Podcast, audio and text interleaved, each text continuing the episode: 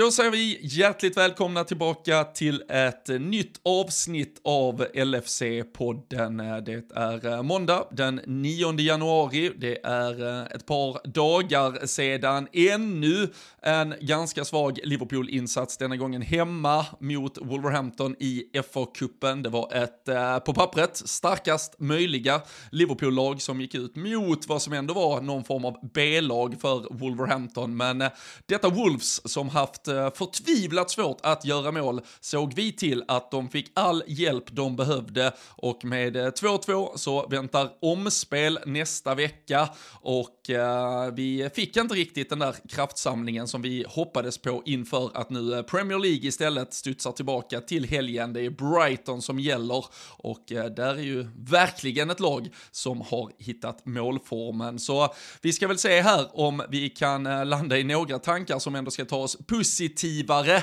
framåt mot vad som komma skall. Vi har haft eh, frågor ute på Twitter kring hur en eh, stor kappsäck med pengar eventuellt skulle kunna spenderas och eh, det ska vi såklart också följa upp på här, se om vi har någon chefsscout potentiellt där ute bland oss lyssnare ifall vi hade fått bestämma. Så det blir som vanligt fullsmetat, fullmatat med allt om Liverpool högt och lågt och vi gör som vi brukar att ni lutar er tillbaka, tar in vår underbara långkörande jingel och så eh, hör ni mig och Daniel Forsell på andra sidan.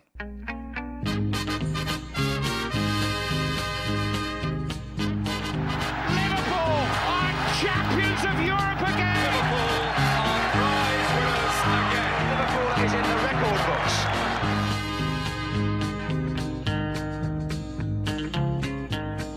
Jajamensan, och äh, men jag ska inte hålla er äh, länge. Vi släpper in äh, den vackraste röst vi har där ute i landet direkt. Äh, från äh, Borås, äh, proud and loud, äh, Daniel Forsell.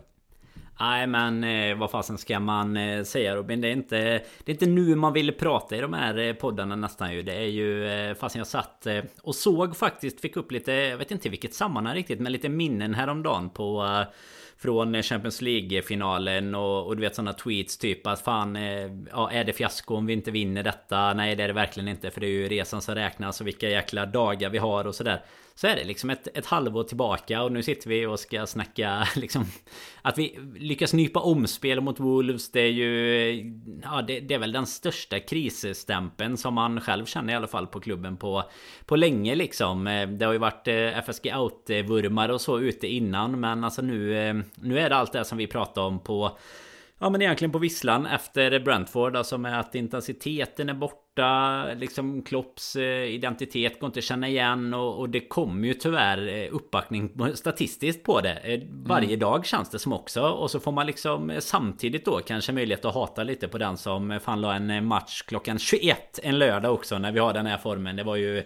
Ja, jag, jag, vet ju faktiskt att du, du snackade om att du eventuellt skulle skita i det efter Brentford bara. Men jag vet ju att vi satt ju och chattade lite där under matchen och vet ju att du ändå satt klistrad 21 och förstörde två fina timmar där också precis som... Eh, ja men precis som mig och antagligen alla andra som lyssnar. Jag vet fan, vart ska vi, ja. vart ska vi börja i den här eh, skitredan och grytan och alltså röra runt i? Ja, det, det, det enda positiva med lördag 21 var väl att det då hindrade en för att göra andra saker man kan göra lördag klockan 21. Så det blev ju, det blev ju man kom ju undan ekonomiskt billigt men att man då ja, fick exakt. Eh, offra känslor och, och framtida mående. Så man vaknade upp på söndagen som om man vore bakfull ändå. För eh, det var med, äh, men inte, alltså nu mera blir man ju inte man blir i alla fall inte förvånad och därmed upprörd och förbannad över att liksom, man sitter och chockas över var fan kom den här insatsen ifrån.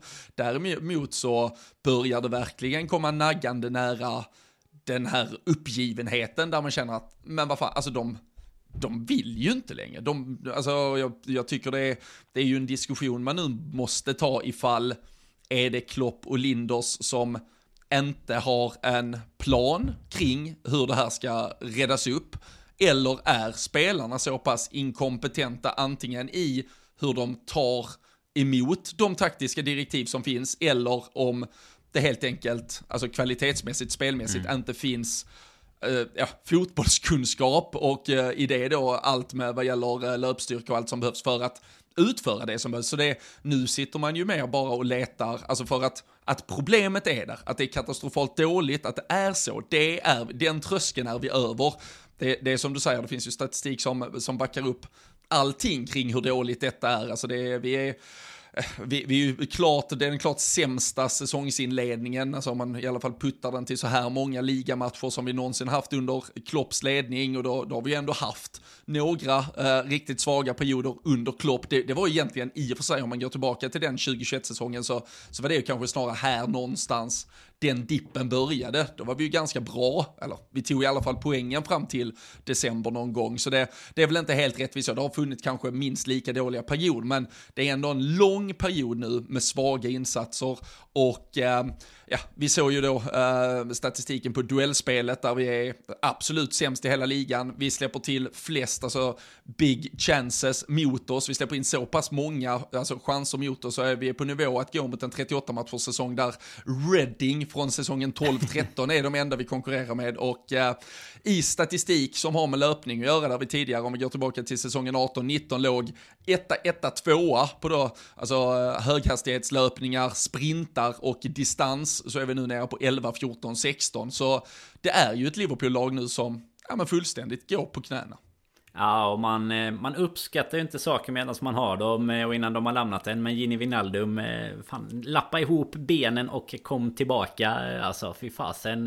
Ett sånt, den typen av mittfält. Vi kommer ju komma in vet jag sen efter tråden som som vill upp kring eh, värvningar och sånt här eh, kommer vi komma in mycket på mittfältare längre fram i avsnittet. Men ehm, alltså skillnaden på när man tittar, alltså man, kände ju så här inför Wolves-matchen. Eh, jag tror att både du och jag var ganska överens om det att så här, vi kör ju bästa elvan, inget snack och de som du nämner i introt här roterar väl nio spelare tror jag det var från, från matchen innan och man känner ju liksom nu, nu kan vi i alla fall få en en riktigt liksom stabil insats på vårat ordinarie lag mot ett lag som är lite så här, eh, ja men lite nedsatt liksom. Det var visst, det var Jiménez och Traoré och sådana som har eh, skrämt en för eh, 3-4 år sedan. Men, men liksom, ja, ett lag som helt enkelt vi ska Alltså ta ganska lätt. Ett lag som har haft otroligt svårt att göra mål i Premier League och i alla turneringar egentligen. Och så är det ändå så alltså öppet och framförallt alltså att vi liksom ge bort målen på det sättet som Alisson till exempel gör. Det blir ju det blir så liksom signifikativt på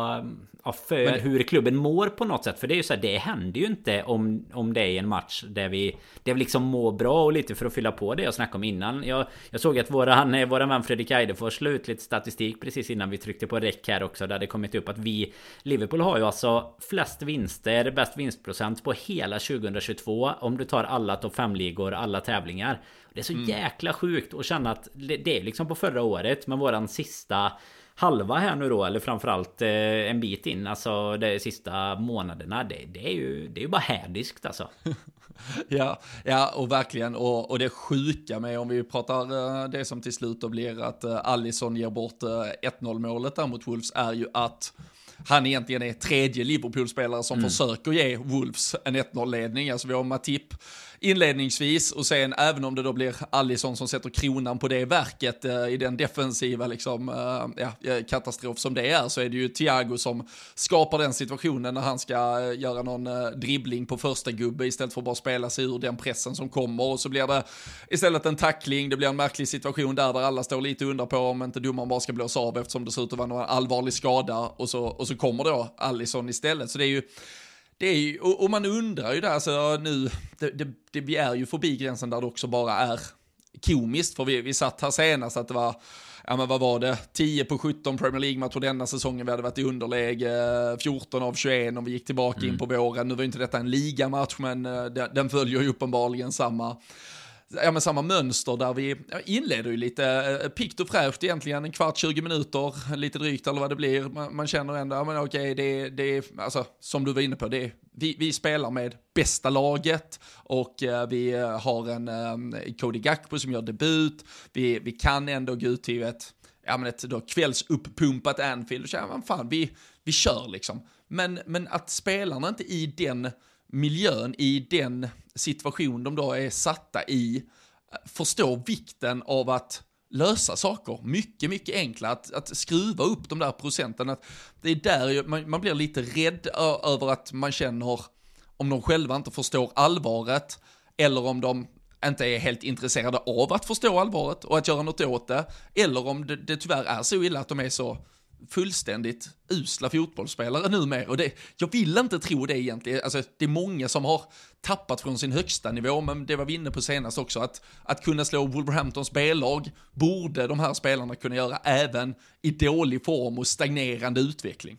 Ja, vi har ju ändå sett insatser i år. Alltså vi kan ta City som exempel eh, där vi det vi liksom inte gör någon sorts... Eh, vad ska man säga? Vi är ju ingen bragdmatch sett till vilket material vi spelar med. Utan då är, kommer vi snarare upp i våran, i våran vanliga nivå och det vi vet att vi kan eh, förvänta oss egentligen. Och här har vi också ett par, alltså Trent gör ju en, eh, en jätteboll till Darwin som liksom tofflar till äntligen in i mål då Men liksom tofflar till ett bra dåligt avslut får man väl säga. Den liksom sitter på typ benskyddet men det är fortfarande ett bra eh, riktat avslut i, i det läget liksom. Så att det kommer ju hela tiden upp den här typen av liksom kvalitets... Eh, alltså att vi visar att vi fortfarande kan men lite som du är inne på så tror jag att vi, har ju, vi pratade lite om det här sist att vi, vi har ju Förmodligen är det ju en del ben som börjar att bli trötta liksom. Och sen är det väl lite där att vi Vi har tappat lite den identiteten som vi Som vi hade med pressspelet och grovjobbet. Jag menar nu, nu känns det mer som att vi Typ som tar Thiago i det läget till exempel som du nämnde där Så han drar en överstegsfin typ mot vem det nu är han möter där. Tappar bollen, det leder till ett mål Även om det såklart inte ska leda till ett mål med, med allt vad Alisson gör där. Men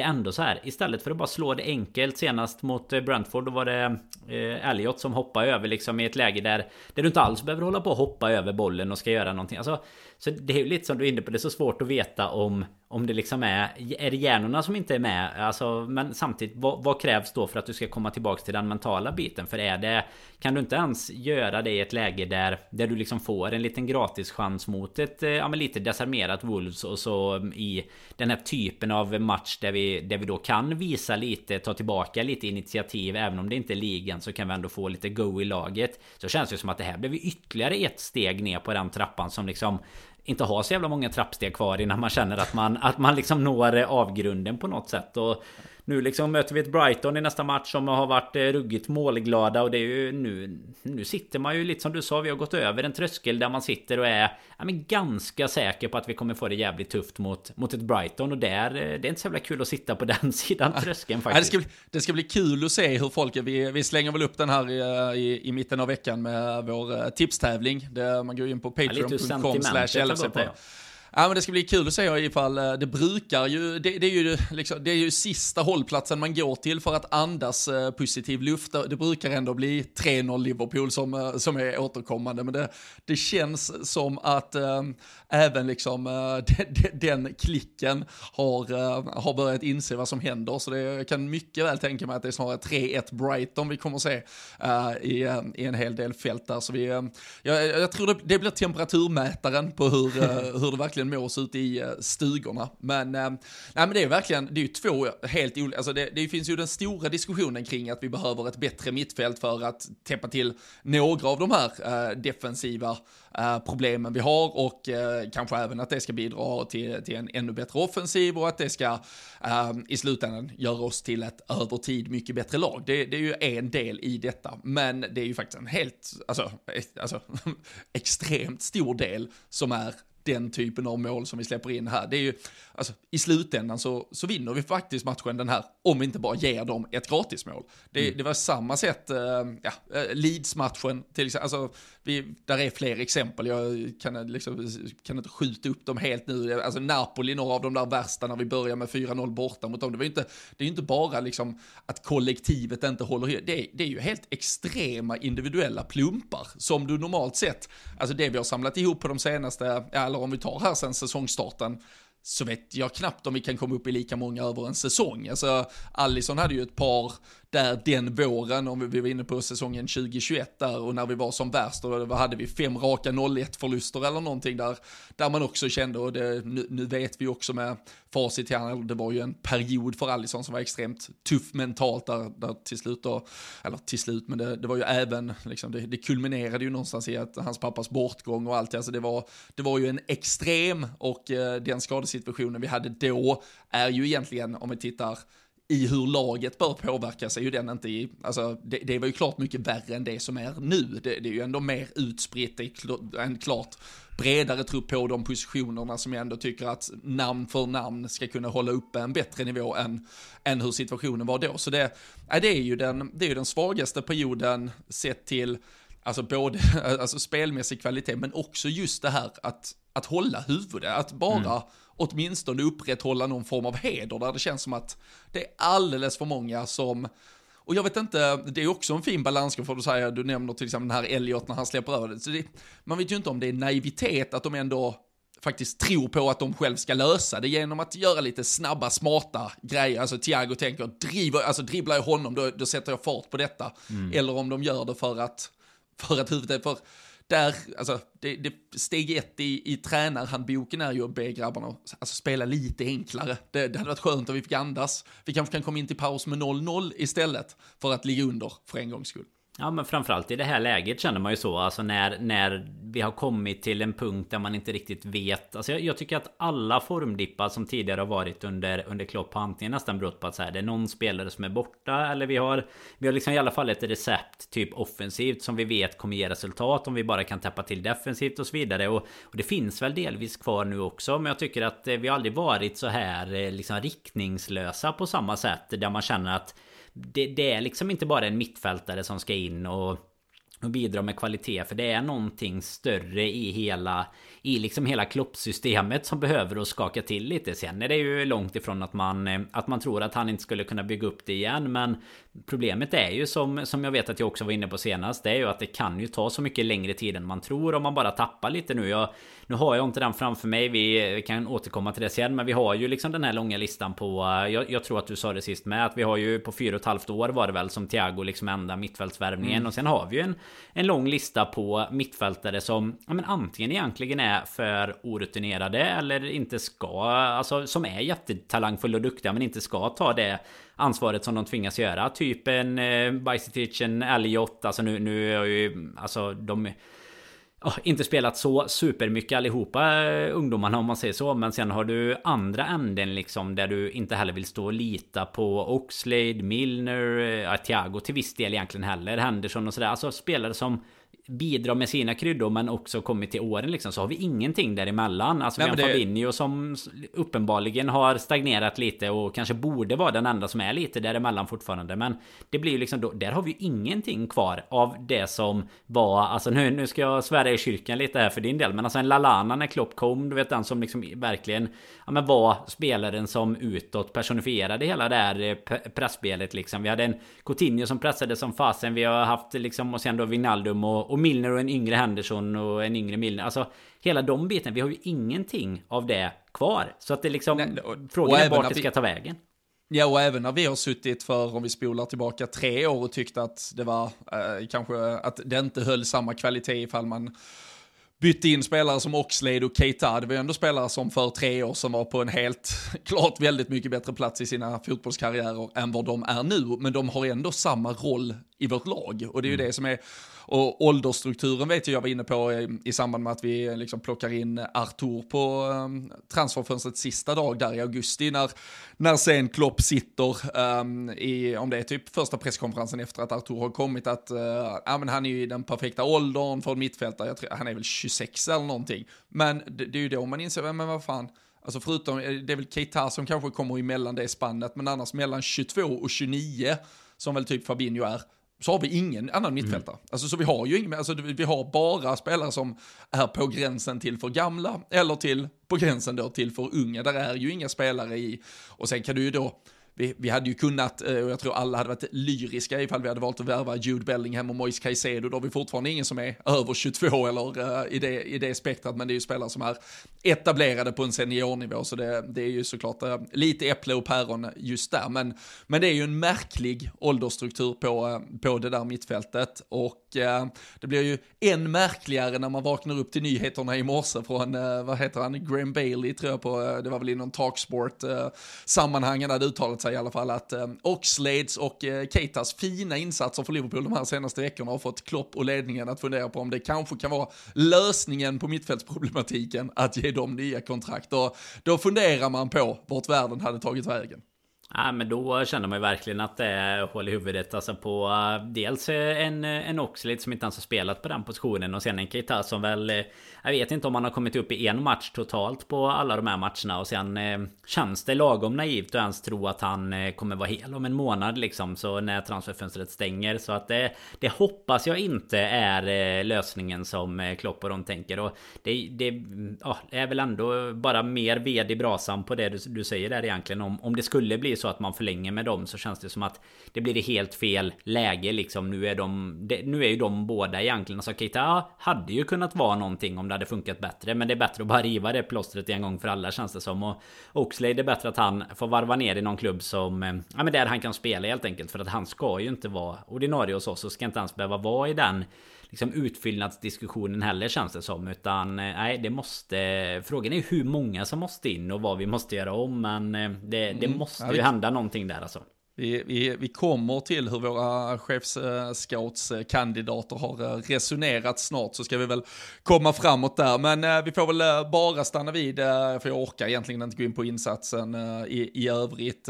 Du, du nämnde Nunes fina mål och jag är ju, jag är ju i, eh, i ringhörnan där med ett, eh, alltså ett fult mål, eh, precis som en straff. Alltså en straff som går i mål är en bra straff. Ett avslut som går i mål är ett bra avslut. Nunes har ju sannoliken haft tillräckligt många mer kliniska avslut som inte har resulterat i mål och eh, det, det, det, det är klart värre att fylla den vågskålen. Så in med den i mål. Jag satt och, alltså egentligen, det är klart man reflekterar och reagerar över Trents otroliga långboll, men det var ju något repris sammanhang här som bara fladdrar förbi mig. Det är ju en en hög studsande boll, lite såhär förlupen där på mittfältet som han, alltså han har två touch på den från att han involverar, han, en där han nickar fram den till sig själv ganska liksom hårt, bara sätter upp den i banan och sen har han när han nyper till den med foten att att göra den aktionen på, på en nicktouch och en touch med foten, det är, um, ja, men det, är, det är egentligen helt sinnessjukt. Och det, man återkommer ju till det så pass ofta att den offensiva kvalitet han har, det, ehm, ja, det, det, är, det är otroligt att vi ändå så ofta landar i att diskutera hans eventuella defensiva brister när du kan ha den offensiva kvaliteten i, uh, i en högerback. Så, jag hade äh, nästan varit gladare om den var lösningen på mittfältskrisen istället i, när man vaknade upp i morse. Att det hade stått att de funderar på att flytta upp Trent och så jobba med Ramsey eller ta in John Flanagan eller någonting igen på, på högerbacken. Problemet är ju att Calvin Ramseys karriär Nej, känns ju redan slut. Han, eh, han fick ju spela med U21 och då tog han ett rött kort i aprillägesutvisning. Så herregud, vi får väl plocka tillbaka Connor Bradley. Uh, öser väl på, det är väl i Bolton han är på lån, uh, tror jag. Det var, det var ju årsdagen idag på att Cade Gordon gjorde mål mot Shrewsbury i FA-cupen. Det var ju Connor Bradley som peta in den från kanten till honom. Så äh, vi får väl se, det känns som att Conor Bradley kommer komma tillbaka i sommar då Calvin Ramsey inte hunnit göra någonting och så är det Bradley som är, mm. är före honom. Men äh, nej, äh, Trent någonstans, så länge han bara är involverad så mycket som möjligt. Det vet jag, jag läste statistik på det också med, med, med hur, alltså Mohamed Salah, att han har väldigt mycket färre bolltouch, både i den ytan där han alltså, utgår ifrån på kanten, färre bolltouch inne i centralt, eller i straffområdet och så vidare. Och det, det, det vet jag vi har återkommit till lite då och då, när, när vi har haft lite tuffare perioder, eller att man i alla fall inte har känt att vi har fått ut optimalt. Det är ju att, alltså, sätter du Trent och Salah i lägen, sätt dem i, i två mot ett lägen, överlasta på den kanten, alltså det det blir ju nästan alltid bra i slutändan mm. när vi lyckas med det. Men eh, just nu känns det ju, i alla fall eh, i Salas eh, yta där, eh, där, där, är vi ju inte ens äh, i stort sett. Så eh, nej, det finns mycket att göra. Men eh, det jag ändå vill att vi tog från eh, matchen, det är ju såklart Cody Gakbus debut. Eh, det blev, eh, ska, ska, vi vara så snälla, vi, eller vi kan ju inte ge han assisten till Salah eftersom det är en ny spelsituation när eh, Totti försöker nicka bort den och Salah därmed från då ett ursprungligt extremt offside-läge kunde ta ner, vända upp och dunka in den. Men vad ger vi annars Gakbo för omdöme efter hans första start i den röda tröjan? Nej men det är alltid svårt såklart att starta, alltså varit så kort tid också i klubben och inte tränat med spelare och sånt så tycker jag ändå att han gör en bra insats. Alltså precis som du säger, där kan vi ju inte ge han assisten eftersom vi, då blir det offside istället. Så att, eh, men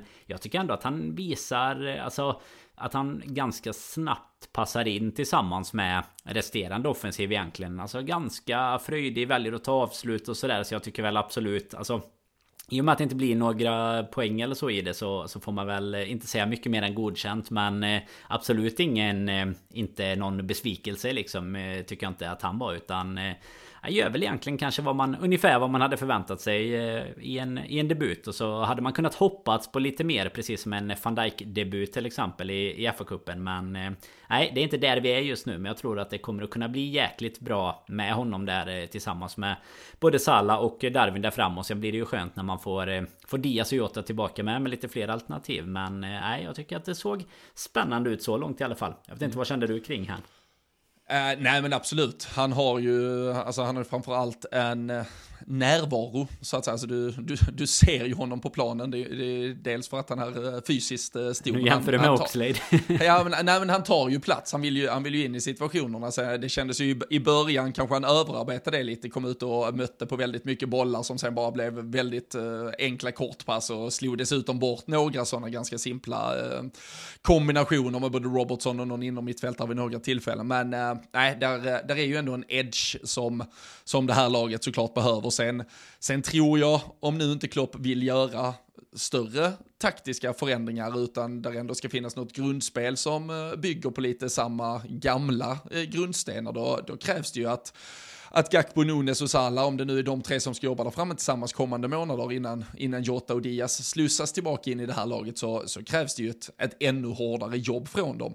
Och eh, jag tycker väl också att, eh, att Gakpo och Nunes kanske nu, nu var ju detta en match och, och, det finns väl väldigt många anfallsmönster och annat som det kommer tränas på och nötas in för att uh, göra det där bättre, men att de kanske kan vara mer flexibla i vem som uh, utgår från vänster eller mm. centralt. Mm. jag tycker att Nunes Även om han kanske inte alltid fick full utdelning då heller, men jag tycker att några av hans starka matcher har han gjort när han har fått utgå till vänster när, när han spelar med Firmino och Salah eh, under en period till exempel där han får lite mer yta att löpa på. Han, eh, alltså, hur, alltså, den powern han kommer med och genombrotten han kan komma med. Um, och Gakpo då som kanske kan agera lite mer um, av en, någon form av Firmino light, alltså som en uppspelspunkt som, som har lite bättre passningsspel och är lite bättre kanske på de på de mindre ytorna än vad Nunes är, att, uh, att det nog kan finnas vinning att, uh, att i alla fall variera dem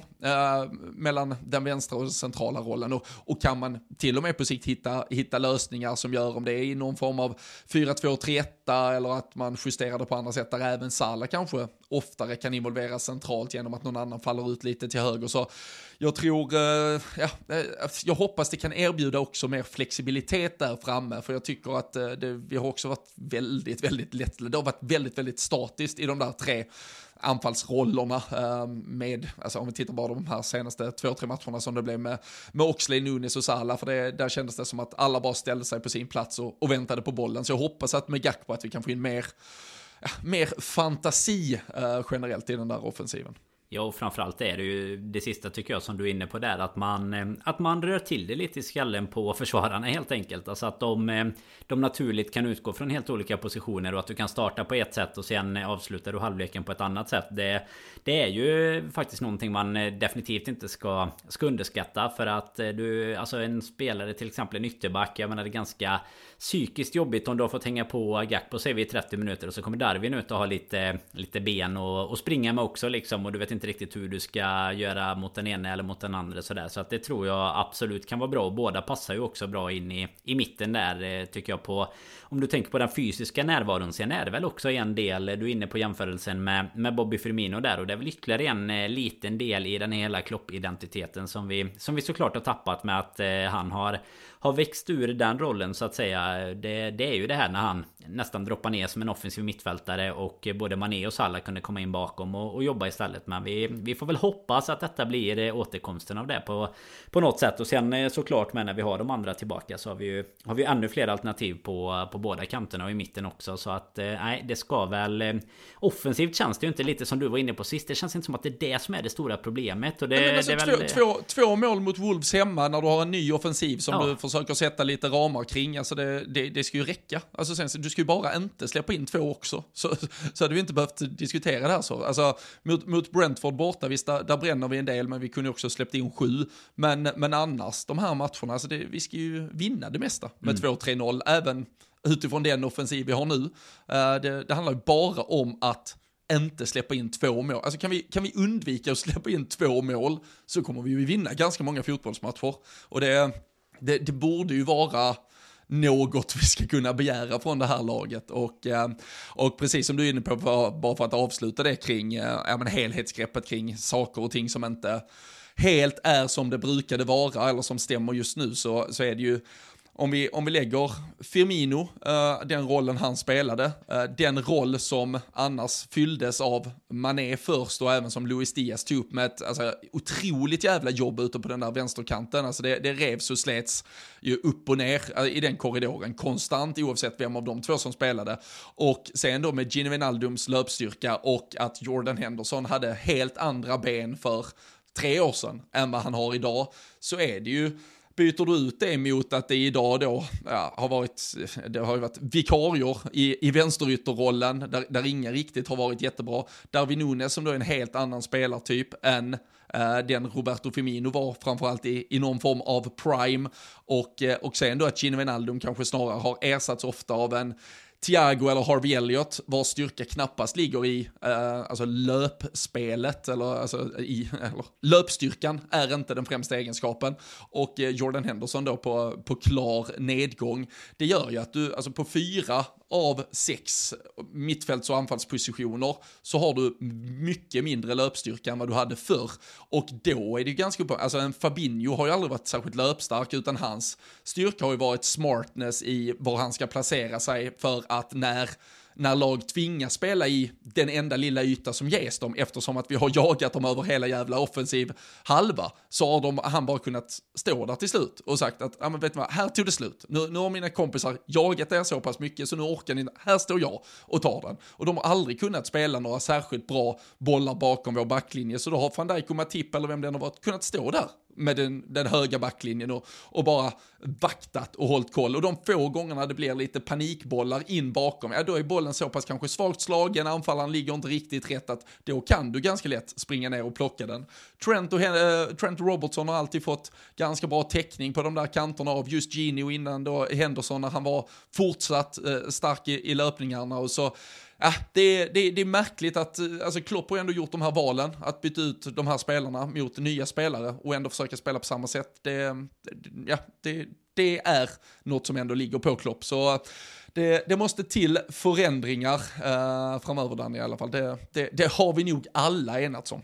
Jo men så är det ju framförallt om man ska spela på det här sättet. Det är väl det som är... Alltså du gick ju egentligen igenom det helt eh, perfekt där kring hur, hur det var och hur det skulle vara liksom. Det är bara ja, när, när vi nämner Gini tänker man tillbaka på målen mot eh, Barca liksom. Du ser ju varken Harvey Elliot eller, eller Thiago var framme och, och knoppa in den eh, liksom Shakiri-inlägget till exempel. Alltså du, du har ju där box till box löpningarna och hela det som... Alltså både pressspelet och intensiteten och eh, alltså sprints, vad säger du? Alltså höghastighetslöpningar eller vad man nu översätter det till på, på svenska som Som vi innan alltid var i topp på i ligan och eh, nu liksom ligger på mellanplats typ eh, ja men 12 18 i, i stort sett då. Alltså jag menar då Då är det klart att då kommer du tappa för lite som du är inne på Klopp har ju med de nya spelarna på något sätt försökt spela samma spel känns det som till många delar. Alltså Fabinho kommer fortfarande in och, och tror att han ska göra vad han gjorde förr men där är det väl, alltså varför man tycker att han ser så mycket sämre ut är ju precis en del i det som du säger. Att innan var det ganska enkelt att se bra ut i den positionen. För att det kom eh, antingen svagare passningar eller mer tröttkörda spelare mot dig. Medan du nu istället kan bli, kan bli ganska ensam i ett försvarsspel mot två liksom trötta, eller två pigga skickliga spelare istället liksom. Så det är klart, då blir du lite mer rundspelad också. Sen samma där, benen kanske lite tröttare. Van Dijk eh, kan vi ju nämna nu också. Sen, sen vi spelade in sist har det ju kommit lite värre nyheter än att han bara blev petad i halvtid. Utan det var ju, var ju en eh, skada och blev väl borta här ett, ett tag också. Efter, men, eh, efterhandskonstruktion. Han har gått ut och ryckt sin uh, hamstring i, i paus bara hund, för att hundpromenaden, hundpromenaden uh, dagen efter där drog han uh, hamstringen. Nej men det, och det, ska, det diskuterar ju vi två faktiskt lite kort därefter. In between episodes här. Men att just det problemet är ju kanske inte så stort som man hade känt att det var tidigare i och med att det är ju en Konate som nu då är frisk och kan komma tillbaka och han och van Dijk är ju mer lika än Matips spelstilen liksom. Så att Konate och Matip ska kunna lösa detta är ju egentligen egentligen inga konstigheter känns det som. Utan där är det, det, det, är väldigt mycket mer fundamentalt som, eh, som är problematiskt än att just de positionerna kommer att, att stå på pappret till nästa match. Men det är ju också det, vi har blivit mycket mer blottade på just som du säger ytterbackarna. Och där kommer vi återigen in på mittfältet att du inte får täckning och sådär. För jag menar Trent som du nämnde innan, han har ju den offensiva kvaliteten och ska vara där fram. Han ska göra assist och sådär. Vi, vi nämnde ju hur få assist han har gjort nu men, men det, det är bara att titta på... Vi kan nämna assisten återigen. Bara titta på den bollen till Darwin liksom. Är, det är inte många som gör den i ligan och eh, då gäller det att utnyttja den kreativiteten. Så att eh, nej, vi eh, kanske behöver ett litet samtal till Klopp här. Både med vilka spelare som ska in och lite hur vi ska lösa det här taktiskt med.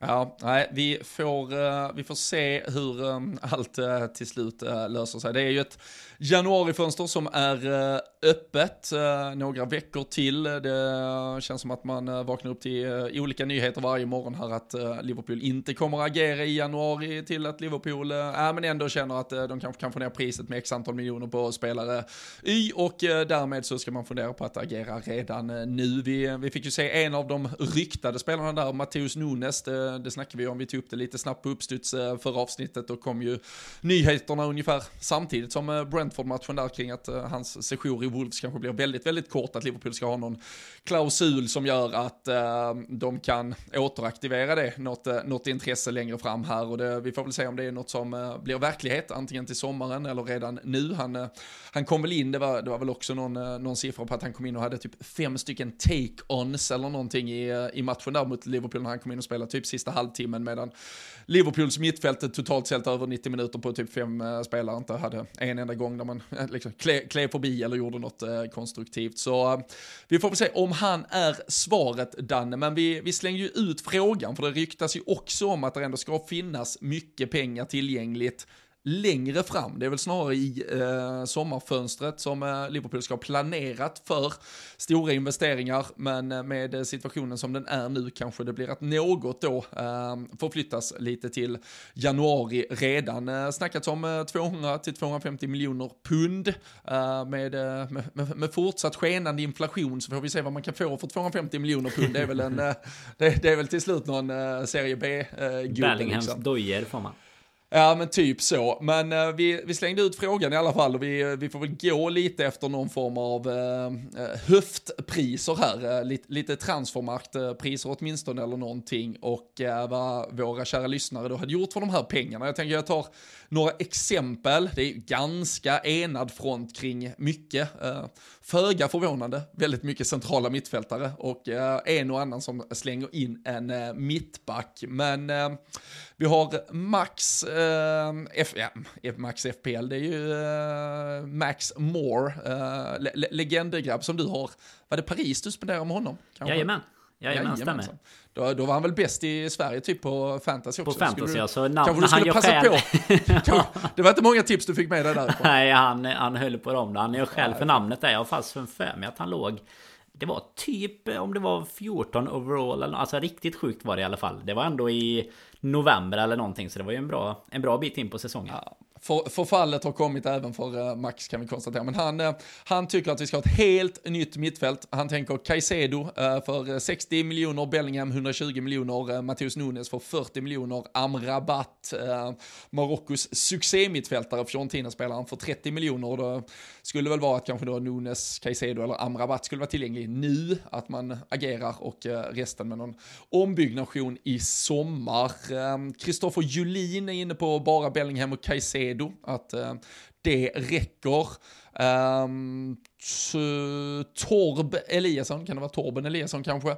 Han tycker också Caicedo Bellingham, även Ugarte och eh, sen tycker han att vi ska köpa James Ward Prowse för eh, växeln som är kvar och att han blir den nya James Milner. Um, alternativt uh, Declan Rice istället för Ugarte där också. Så det, uh, det är väl ungefär den typen av spelare som kommer nämnas. Uh, Bellingham, Thielemans och Rice enligt Glenn. Um, vad har vi mer? Bellingham, Barella, Corp Miners och Lacroix. Eh, det är från Robert Rosenqvist. Eh, Tobias Lundgren inne på Bellingham, Caicedo och Gvardiol. Eh, kroatiska mittbacken Leipzig som ryktades ju till Chelsea i somras. Var ju ute i någon intervju här för bara några dagar sedan och pratade om att Liverpool var hans lag i hjärtat. Ehm, ah, Mittfältarna går ju, det snurrar där på de här, Declan Rice, Moise Casedo, Jude Bellingham, Amrabat, Nunes. Sen nämns det Gvardiol från en, eh, ett par uh, olika håll här också.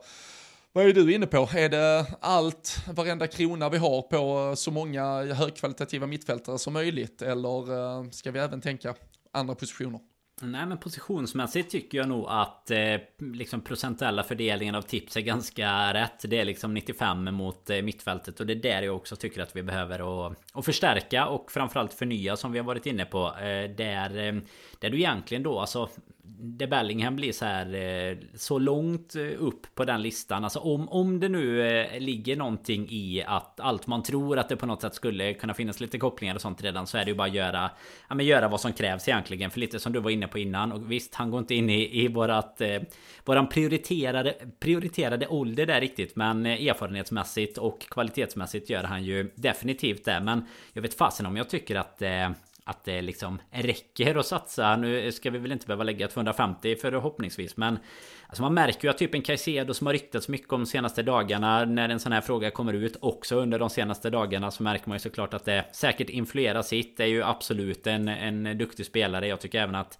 Sådana, alltså Declan Rice, Caicedo och alltså med flera är ju i lite Fabinho Stukspositionen liksom och kan kanske lite mer löpstark än vad han egentligen någonsin har varit eh, kan jag tycka med så ah, det är väl eh, många, alltså Nunes eh, inte du får välja, du, du får välja ja. tre spelare, för vi tänker att Bellingham är ju någonstans, det, det är ju halva uh, pengapåsen som går där. Och så även om vi då är väldigt snälla med våra värderingar, så den typ av spelare vi ändå pratar kring nu, så, så ger vi ekonomiskt utrymme för två värvningar till då. Uh, och då får du, får du välja noga och uh, eftertänksamt. Ja, men jag hade, då hade jag kunnat tänka mig att eh, fylla på eh, Fylla på med Caicedo Och eh, sen eh, står det egentligen alltså jag gillar ju en som du nog inte tog upp där men som jag vet att många har skrivit och framförallt efter VM där var ju en eh, Enzo Fernandes eh, Som eh, också var, var tugg om. Men eh, även en Även de här växel, växelvärvningarna, inte just Ward Prowse hade jag nog inte gått på Men en Telemans tycker jag är riktigt fin. Men jag, jag får väl säga Enzo istället då för att få in eh, en trippel där då Med, med Bellingham. Bellingham är prion Fan, typ, typiskt mäklare att sväva iväg och så lägga till Enzo Fernandes. Eh, jag vet inte helt om han, eh, han är väl egentligen ekonomiskt i en lite annan liga. Det blir dyrt där, du får, du får pruta bra om vi, du ska få ihop det. Vi lägger ett bud på alla tre, ett paketpris där, så eh, ser vi om, ser vi om de... så får Dortmund, Dortmund, Benfica och Brighton slåss om pengarna sen. de tycker säkert det är skit, Dortmund tycker det är skitgött att Brighton får lite pengar. Vi har, vi, vi har lagt 250 miljoner i portföljer i ett hus någonstans någonstans. Ut och leta. Vi tar er tre spelare i alla fall. Nej, men jag tycker men... i alla fall om man sammanfattar det så tycker jag att ska jag välja liksom tre där då tycker jag nog att det är eh, Alltså att det är mittfältare. Men det är tre att det i stort sett, Ja, att i stort sett är det. Det är väl en litet wildcard såklart på en back. Men alltså där tycker jag ändå att vi har eh, har täckning. Det kommer ju bli problem längre fram men det, det kan vi lösa då. Vi har mer, eh, vi har liksom problem här och nu känns det som. Ja. ja. men jag, nej, jag, jag är nog eh, snarare inne på en eh, 2-1 lösning där med, med två mittfältare och en eh, mittback. Jag, eh, jag, jag håller med dem, eh, där är ändå en eh, tre, fyra stycken som har kört eh, exakt den trion som jag hade valt med Moise Caicedo, Jude Bellingham och eh, Guardiol. Det, det hade gett eh, oss egentligen en centrallinje som, ja, som håller för jag vet inte hur många år som helst framöver. För Ibrahima Konate och Guardiol, uh, att ha dem tillsammans med och under uh, någon form av uppsikt av uh, Virgil van Dijk, ha Joel Matip till att spela den, den fjärde fiol han kanske ganska snart ändå ska spela. Jag tycker Joe mm. Gomez har, har visat så tydligt nu återkommande att han duger inte uh, på den här nivån. Och uh, i situationen vi är i nu så är vi ju, då är vi ju, alltså, nu, nu ska vi ge varenda minut till Matip och Konate, annars, annars är det Joe Gomez som ska, ska spela. Och det, jag tycker det, det uh, kvalitetstappet är lite för stort. Tittar vi på ett ett City som uh, har lyckats få en jävla revival på Netanake och så tar man in Akanji som kommer in från ingenstans och är hundra gånger bättre än vad Joe Gomez någonsin har varit i Liverpool-tröjan och det, det löser man på en, vad är det, 12 miljoner pund eller mm. någonting från Dortmund i sommar. Det, ja, det, det, det är snyggt och jävligt bra skött och att då addera att man har eh, Ruben Diaz, Laporte och, och Joe Stones, äh, John Stones sen tidigare. Med, med fem mittbackar av den kvaliteten så tycker jag att vi, vår mittbacksbesättning äh, nu har blivit så pass blottad att äh, lägg på en gubbe där, speciellt i den åldern som Guardiol har så har du ju, då har du egentligen löst allting, då, då är det ju någonstans som, ja, ett, två, tre år så, så är det Konate Guardiol som hade varit det mittbacksparet du hade haft och kunnat ha i alla fall potentiellt i, i typ tio år till och mm. att, eh, att det då får formas under någon form av ledning från van Dijk så tror jag det hade varit ett, eh, ett, ett eh, ack så viktigt fundament i detta och sen med Bellingham och Caicedo som kan vara ganska flexibla i olika roller på det där mittfältet så tror jag att jag tror liksom inte egentligen att alla våra mittfältare är usla. För, för ska vi värva tre, fyra stycken, då ska vi mer eller mindre värva, ja, de ska ju egentligen uh, handplockas för att bilda och bygga det helt nya Liverpool-mittfältet. Jag tror ju att en spelare som Fabinho, om du får in två stycken som är klart mycket mer mm. äh, löpstarka, om du får in en Moise Caicedo att äh, komplettera upp det där centrala mittfältet, men kanske, kanske kan finna tillbaka till någon form av form. Äh, jag tyckte man såg på Jordan Henderson att i den tryggheten som Declan Rice och, och Bellingham gav honom så, så var han faktiskt ganska bra stundtals under VM när han faktiskt fick ligga lite högre upp, när han fick göra andra saker. Jag, alltså, jag, jag, jag tror verkligen vi har sett det bästa av Jordan Henderson, men jag tror inte det per automatik betyder att det är fem, sex spelare. Det finns några, alltså det finns en, en Oxley, det finns en Keita på grund av både kvalitetsbrister och, och ja, kapacitetsbrister i form av att de aldrig är tillgängliga nästan som, som verkligen måste ut och Milner måste vi ju såklart tacka hej då till och så vidare. Men att en Thiago inte skulle kunna göra jobbet igen, och så, det, det tror jag ju inte helt. Men, men däremot de tre nuvarande tillsammans, det funkar ju inte.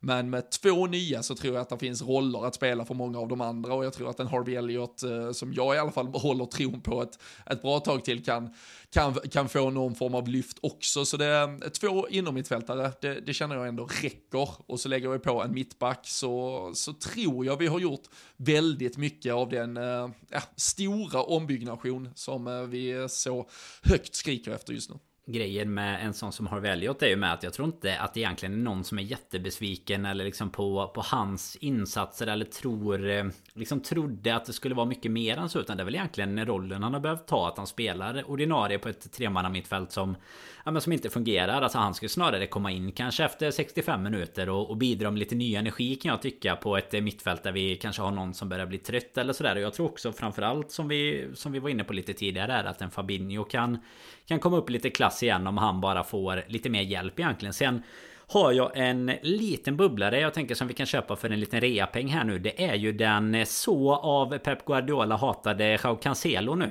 Och så flyttar vi upp eh, Så tar vi det eh, Trent-hoppet upp till mittfältet nu. Och så Cancelo in på högerbacken Och så eh, Det blir Det är växelpengar Mina växelpengar istället för att lägga dem på Ward Prowse där alltså.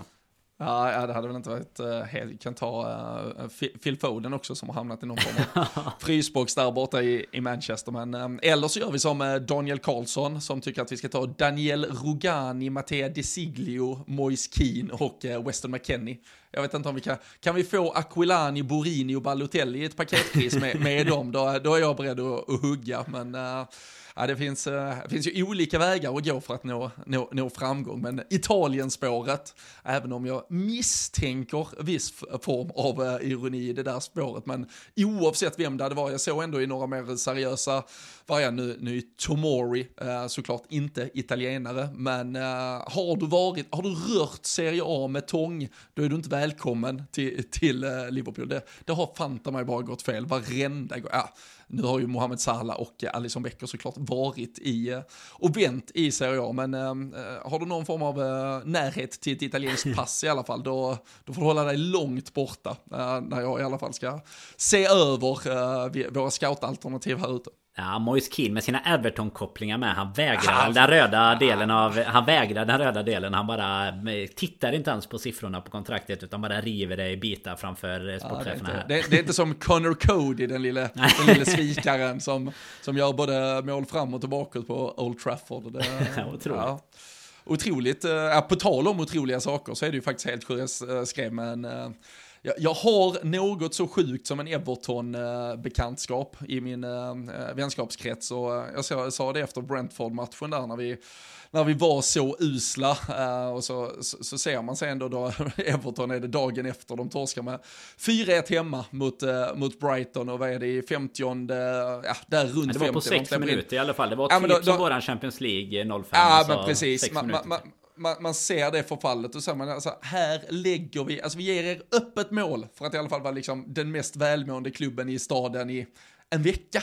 Alltså kan ni inte, kan ni inte ens lyckas ta den chansen? Alltså kan inte, ni, någon gång kan ni väl skratta åt oss liksom. Men nej, de, de lyckas se till så att det finns eh, ett, ett blått arbetarkollektiv där ute i, i hamnen och på andra ställen i Liverpool som alltid kommer ha det värre än oss röda i alla fall. Ja, det blir en fin eh, arena för Championship i alla fall nere i, i docken. Det får man, eh, får man ge dem. Det är sjukt att Frank Lampard ändå lyckas sitta kvar. Men de har väl också större problem där med ägarfrågor och sådär eh, som håller på i alla fall bland fansen. Men eh, nej, att Lampard ja, vecka ut vecka in sitter kvar på presskonferenserna förvånar mig mycket faktiskt. Ja, det är kul. Och det, och det är kul när man följer från, eh, ja, det, det är ju ganska många, alltså Liverpool, ja, journalister man följer som då, man följer i regel mm. för att de bevakar Liverpool, även om det inte är jättemånga journalister som direkt gör någon form av bevakning eller i alla fall kritisk granskning. Men jag säger Paul Joyce bara där att han tog upp den här statistiken på att Liverpool förlorade flest dueller och skrev lite kritiskt kritiskt om det. Får vi se om han blir insläppt på nästa presskonferens. Men, eh,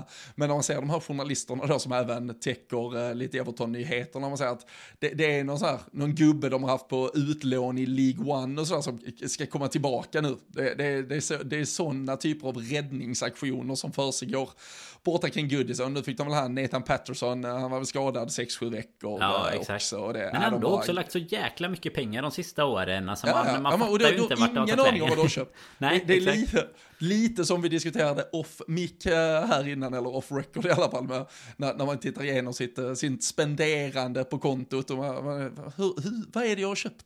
Vad är det jag har köpt? Hur kan det, det gå 15 000 på mat? Jag har ju ingen mat här, vad händer? Tänk att det är så, de sitter på kontoret och bara bläddrar papper, så de har kastat papper på golvet. Så bara, vad fan är det vi har köpt? Alltså 250 miljoner pund, vad fan vad är det vi har köpt? Det enda jag ser är James Tarkovsky, han ja, skulle inte ha kostat 250 miljoner. Sitter Moise Keane med någon sign-on på 120 miljoner pund nere på någon strand och göttar sig bara. Ja, det är väl för, det är Salomon Rondon som fortfarande bara drar in degen. Nej, fy fan. Ja, det var skönt i alla fall att vi... Att, eh, ja, det... med, med honom, det är bra. Det är tips till alla då kanske. Jag har ju ingen eh, själv, så skaffa sig en, en Everton-polare. Liksom det, enda, det är den enda trösten man kan finna just nu. För United det, det... och de har ju fan börjat att tugga igång. Så det är... Arsenal leder ligan. Alltså där har man ju ingenting att hämta längre. Så att, eh, nej, hitta en eh, polare som håller på ett lag som det går ännu värre för helt enkelt.